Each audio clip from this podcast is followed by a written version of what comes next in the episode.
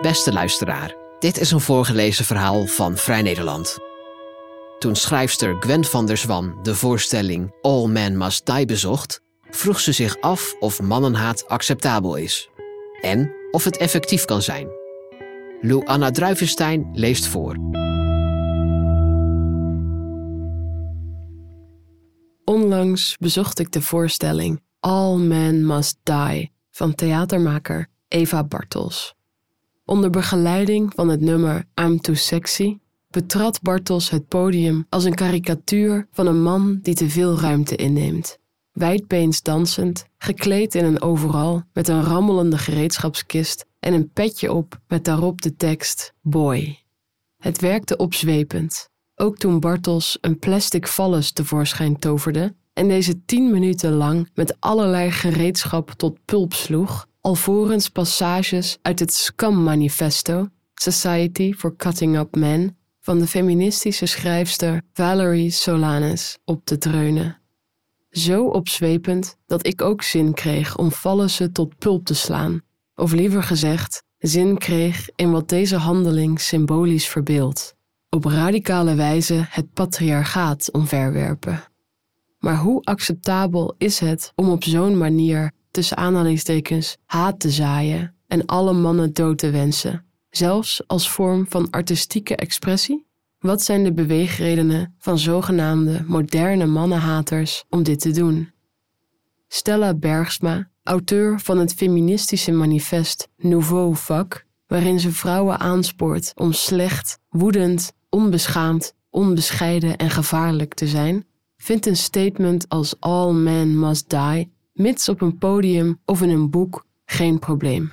Net zo min als een essay als I Hate Men, dat is, van de Franse activistische blogster Pauline Armange, zegt ze als ik haar opbel. Armange spreekt in haar boek openlijk haar afkeer tegen mannen uit en roept vrouwen op met haar mee te haten en misandrie te omarmen. Ik haat mannen, schrijft ze. Echt allemaal? Ja, allemaal. Doorgaans heb ik maar weinig respect voor ze. Hoewel een Franse regeringsfunctionaris het boek probeerde te censureren omdat het zou aanzetten tot op gender gebaseerde haat, vindt Bergsma het eerder absurd om mannen niet openlijk te haten, gezien het geweld dat ze vrouwen hebben aangedaan. Het standpunt van Armange, hoe extreem ook, heeft volgens Bergsma een goede reden. Ze zegt: in iedere revolutie en verandering zijn extreme nodig als breekijzers. Die moeten niet vermeden worden. Ze voegt eraan toe dat als geschriften over mannenhaat niet kunnen, geschriften over vrouwenhaat en volgens haar dus bijna onze hele filosofie, literatuur en wetenschapsgeschiedenis met de Bijbel erbij ook bij het grofvuil kunnen. Wanneer ik, geïnspireerd door Bartels en Bergsma, het persoonlijke aspect de mannen om wie ik geef, terzijde schuif, moet ik toegeven, ook ik haat soms mannen. Ik haat mannen door het door hen gecreëerde vrouwelijke ideaalbeeld bijvoorbeeld, dat zo diep in mij zit dat ik er niet van los kan komen. Ik haat Jordan Peterson wanneer hij zegt dat vrouwen de reden zijn dat mannen het moeilijk hebben, en datingcoach Tim Veninga wanneer hij hoordes mannen vertelt hoe ze vrouwen onzeker moeten maken om ze aan zich te binden. Ik haat mannen vanwege femicide, eerwraak, heksenjachten, kindhuwelijken, verkrachtingen en clitoridectomie. En ik haat mannen omdat ze moeilijk doen over mannenhaat. Want als je dat tegenover vrouwenhaat zet, heeft alleen dat laatste verschrikkelijke en langdurende gevolgen gehad. Mannenhaters vermoorden geen mannen, bepalen niet hoe mannen zich kleden en maken niet dat mannen s'nachts niet naar huis durven. Mannenhaat heeft vrijwel geen slachtoffers gemaakt. Het is haast schattig als je het naast de verwoestende kracht van vrouwenhaat legt. Schreeuw ik mijn mannenhaat van de daken? Nee, dat doe ik niet. Het stereotype van de boze feminist heeft een negatieve connotatie en ik wil voorkomen dat het uiten van mijn ideeën vanuit dat frame mijn streven naar gelijkheid ondermijnt. De Belgische auteur columniste, feministe en radiopresentatrice Helene de Bruyne, die zich uitspreekt tegen algemene mannenhaat, begrijpt dit wel. Ze zegt: Statements als die van Armange brengen ons niet verder. Ze geven de tegenstander alleen maar vuur. Wat de oplossing dan wel is, op een kalme, onderkoelde manier de tegenstander inhoudelijk helemaal afmaken, al dus de bruine. Want dan voel je jezelf beter en blijf je weg bij het hokje boze feminist. Een onhandig hokje als je maatschappelijk iets wil betekenen. Dus woede richting een politicus die zich uitspreekt tegen abortus of een andere man die vrouwen ondermijnt, prima. En dan het liefst goed onderbouwd en sterk geformuleerd. Maar, zegt de Bruine, woede die zich richt op alle mannen in het algemeen is niet productief en constructief. Houd voor jezelf de standaarden hoog. Dat zijn mijn persoonlijke regels voor het publieke debat. In de kunst, daarentegen, kan het wel, vind ik. De Nederlandse zangeres Sophie Straat lijkt een compromis te hebben gevonden. In haar nummers, zoals Mannen, Mooier als je lacht, De Vergiffenis en Tweede Kamer, belicht ze het patriarchaat en de ongelijkheid tussen mannen en vrouwen, zonder haatuitingen naar alle mannen of ze dood te wensen. Mijn nummers zijn punk omdat ze direct en ongefilterd zijn, maar ik toch rekening hou met de gevoelens van anderen, zegt Sophie Straat als we afspreken in een café in de Jordaan. De drijfveer achter haar kritische songteksten? Ze zegt: Ik besef steeds meer dat ik als vrouw in onze maatschappij echt een lul ben, puur vanwege mijn gender. Als kind maakte het me boos dat ik niet mee mocht doen met voetbal. Nu maakt het me boos dat er nog steeds een loonkloof is en dat veel mannen totaal blind zijn voor seksisme en het patriarchaat. Ze vervolgt: Laatst nog werd ik geïnterviewd door een mannelijke journalist die vroeg of Mooier als je lacht een liefdesliedje is, terwijl het gaat over een systemisch probleem, over hoe vrouwen zich gedwongen voelen om te voldoen aan een door mannen bedacht vrouwelijk ideaalbeeld.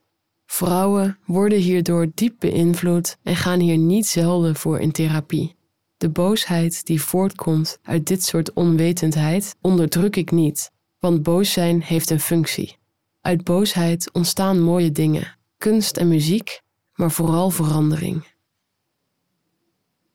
Als ik mijn twijfels over het uiten van mijn woede bespreek met Eva Bartels van het toneelstuk All Men Must Die, die me inspireerde tot het schrijven van dit artikel, benadrukt ze dat dit precies de reden is waarom haar werk zo belangrijk is. Ze zegt: Het is essentieel om woede te tonen, zodat mannen de emotionele impact van onderdrukking, seksisme en geweld kunnen begrijpen.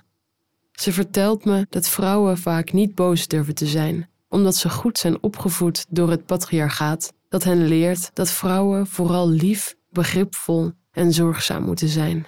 Boosheid past daar niet in. Woede van vrouwen naar mannen is volgens Bartels altijd een reactie op hun daden. En het is tijd dat vrouwen die reactie laten zien. Want pas dan kan er gelijkheid ontstaan. Bartels zegt: Pas als een man begrijpt dat hij grenzen overschrijdt, kan hij zich bewust worden van de impact van zijn gedrag en overwegen of hij ermee wil doorgaan. Met een toneelstuk als All Men Must Die wil ik vrouwen laten zien hoe groot ons speelveld van woede kan zijn. We hoeven ons niet te beperken tot een postzegelformaat. We hebben een heel voetbalveld tot onze beschikking. Ik wil vrouwen op deze manier bevrijden van het narratief dat ze niet kwaad mogen zijn. Die avond sta ik in mijn rugbyclubhuis, zoals gewoonlijk gekleed in kleren die te groot voor me zijn. Omdat er weinig specifieke kleding is voor vrouwelijke rugbyers en skateboarders, de sporten waarin ik actief ben, moet ik mijn sportkleding in de kleinste mannenmaten bestellen, met beperkt succes. Alles is dan namelijk alsnog te groot. Het gebrek aan passende kleding is het gevolg van een ondervertegenwoordiging van vrouwen binnen deze sporten. En deze ondervertegenwoordiging kan worden verklaard door historische uitsluiting, waarvan de effecten nog steeds voelbaar zijn. Onlangs werd me in het skatepark bijvoorbeeld nog door een professionele mannelijke skateboarder gevraagd of ik me niet schaamde om daar als enige vrouw aanwezig te zijn.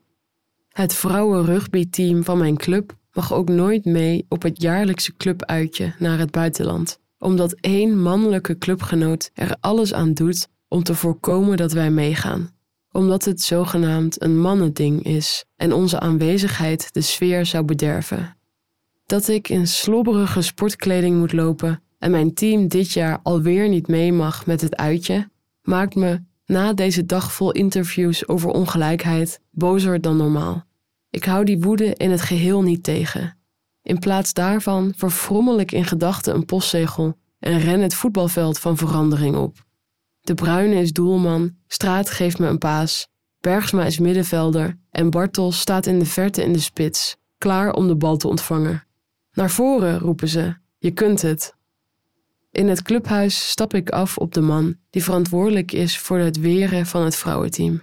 Een andere organisator staat naast hem. Ik spreek hen beiden aan en zeg dat ik het absurd vind dat de vrouwen niet mee mogen. Ik zeg: We leven in 2023. Het vrouwenteam uitsluiten van activiteiten voor de hele club is seksisme puur zang. Als je ook maar enigszins een sympathieke sportclub wilt zijn, zou je moeten streven naar gelijkheid. Ik verkondig mijn boodschap niet met een hamer in mijn hand, klaar om hun valletjes tot pulp te slaan, maar ook zeker niet met een vriendelijke glimlach. Ze lijken verrast. De ene man zegt iets ongefundeerds over mannen onder elkaar, de ander kijkt zwijgend naar zijn in de juiste maat beschikbare rugbyschoenen. Later die avond klikklakken die schoenen en de bijbehorende organisator naar me toe. Ik ben benieuwd of mijn woede heeft gezorgd voor iets van bewustzijn, of misschien zelfs voor verandering, zoals de door mij geïnterviewde mannenhaters me hebben voorgehouden. Ik kan niet anders dan ze gelijk geven wanneer hij zegt: Goed punt over het clubuitje. Volgend jaar doen we het anders. Een Engelstalige versie van All Men Must Die is in september te zien op het Fringe Festival in Amsterdam.